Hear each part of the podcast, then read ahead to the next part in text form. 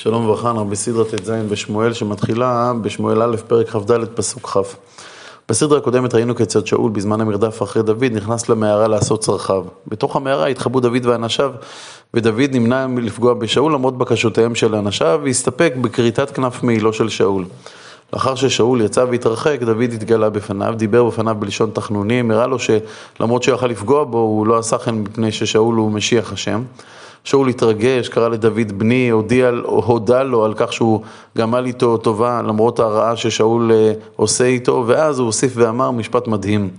ואתה, הנה ידעתי כי מלוך תמלוך, וקמה בידך ממלכת ישראל. ואתה, ישבעה לי באדוני, אם תכרית את זרעי אחריי, ואם תשמיד את שמי מבית אבי. וישבע דוד לשאול, וילך שאול אל ביתו, ודוד ואנשיו עלו על המצודה.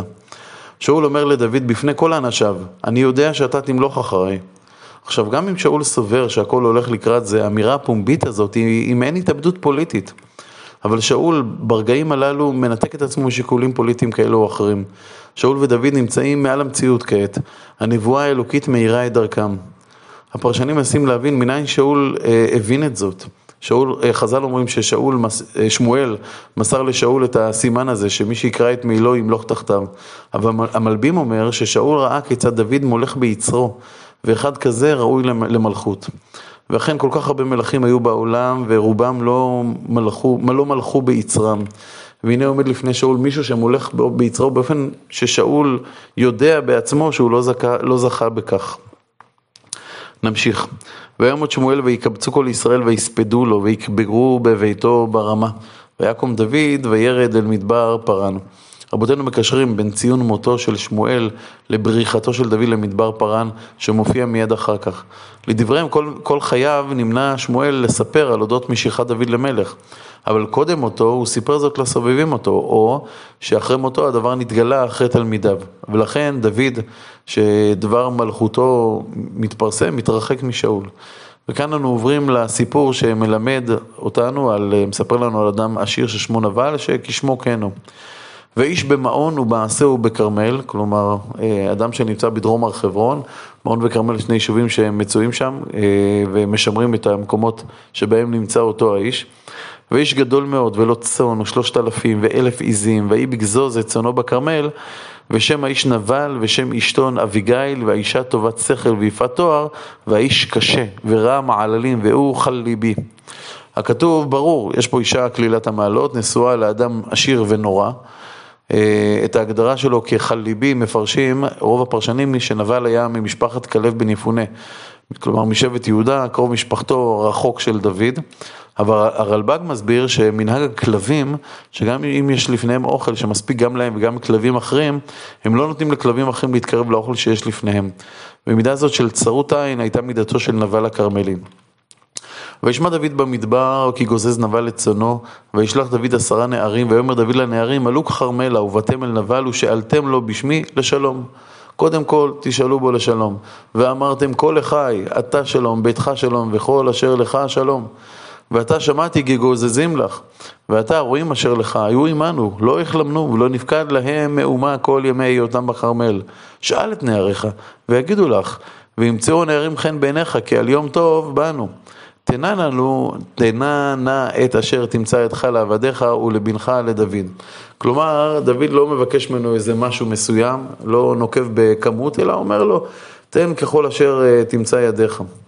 עכשיו ראינו כבר שהמציאות במלכות שאול, אה, שהצבא העברי, הצבא של שאול לא מצליח להתמודד עם הפשיטות של הפלישתים. ככה ראינו למשל שהיה בקהילה, שעליה פשטו הפלישתים, ודוד היה זה שהגיע על מנת להושיע אותם, כיוון שצבא שאול לא הגיע לשם. גם בדרום הר חברון כנראה נוחות של, של צבא שאול. והפלישתים פוש, פושטים ובוזזים וחומסים, ודוד שמצוי שם מרגיש כי עליו להיות להם למגן. הוא לא נוגע בדבר מרכושו של נבל, ולא נפקד להם מאומה כל ימי היותם בכרמל. וכן, כן הוא שומר, כמו שנראה בהמשך את נבל, אה, את הנער של נבל שמספר לאביגיל אשתו, חומה היו עלינו גם לילה, גם יומם, כל ימי היותנו עמם, רואים מצון. כלומר, דוד ואנשיו היו חומם בפני הפליש, הפלישתים שרצו לבזוז את הכל. והנה דוד ואנשיו זקוקים עכשיו למזון ולשתייה, ועל כן דוד שולח שליחים שיבקשו מנבל קצת מאכל ומשקה לאחיותם. ויבואו נערי דוד וידברו אל נבל ככל הדברים האלה בשם דוד וינוחו. אך נבל מתקומם ולא מוכן להוציא מממונו דבר וחצי דבר. ויען נבל את עבדי דוד ויאמר מי דוד ומי בן ישי היום רבו העבדים המתפרצים איש בפני אדוניו כאן הוא מגדיר את דוד כעבד ולקחתי את לחמי ואת מימי ואת אבחתי, אשר טבחתי לגוזזי ונתתי לאנשים אשר לא ידעתי אימי זה המה? כלומר, פתאום שאני אתן לאנשים שאני לא מכיר אותם. ונערי דוד חוזרים בבושת פנים אל דוד, ויהפכו נערי דוד לדרכם, וישובו ויבואו ויגידו לו ככל הדברים האלה. ודוד מחליט לנקום בנבל. ויאמר דוד לעבדיו, חיגרו איש את חרבו, ויחגרו איש את חרבו, ויחגור גם דוד את חרבו. ויעלו אחרי דוד כארבע מאות איש ומאתיים ישבו עם, על הכלים. לא ברור בשלב זה מה דוד רוצה לעשות לנבל, האם הוא רוצה לקחת את ממונו, להרוג אותו, את זה נראה בהמשך. וכאן נכנסת לתמונה אביגיל אשת נבל.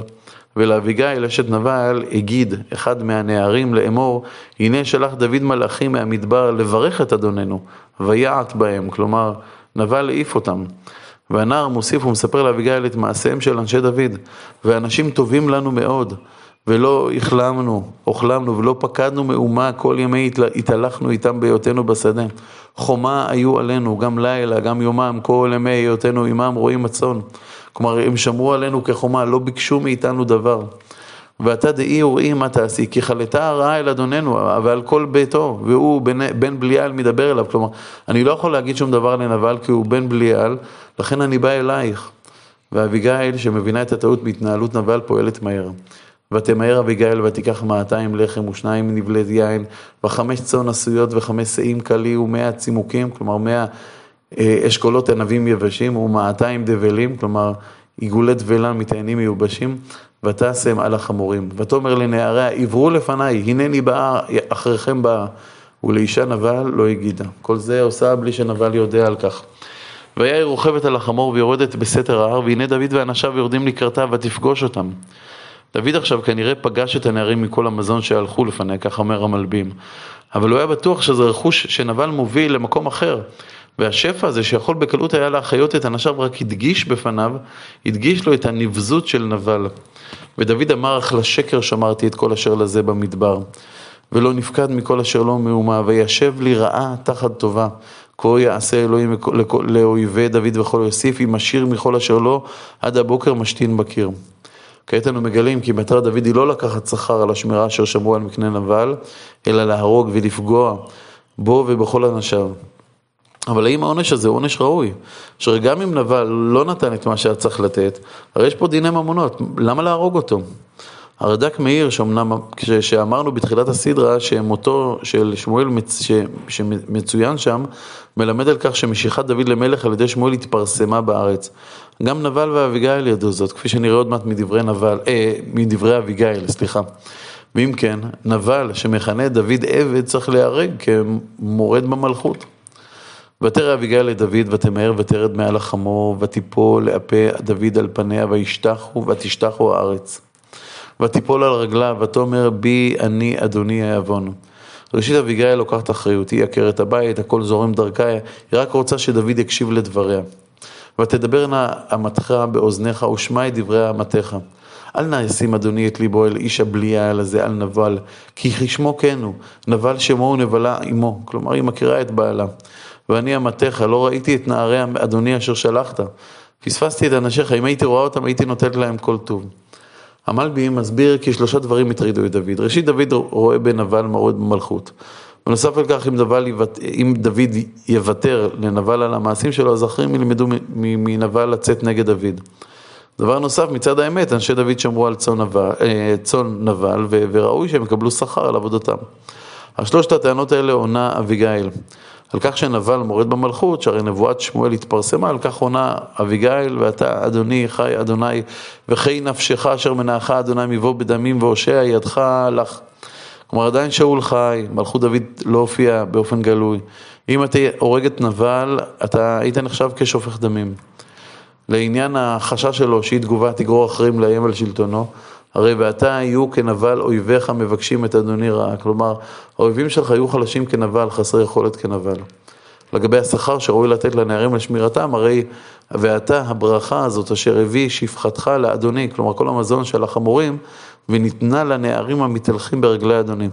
שא נא לפשע אמתך, כי עשו יעשה אדוני לאדוני בית נאמן, כי מלחמות אדוני, אדוני אדוני נלחם, ורעה לא תמצא בך מימיך. כלומר, היא מוסיפה בקשת סליחה, שא נא לפשע אמתך, שהרי עשה השם את אדוני דוד למלך, וגם כמלך אתה נלחם את מלחמות השם. ואת שאול שרודף אחרי דוד היא מכנה כאדם ולא כמלך, ויקום אדם לרודפך ולבקש את נפשך. והייתה נפש אדוני צרורה בצרור החיים, את אדוני אלוהיך, ואת נפש אויביך יקלענה בתוך כף הקלה. מסיימת בכך שנבואה של דוד יהיה לנגיד, כלומר למלך על ישראל תתממש.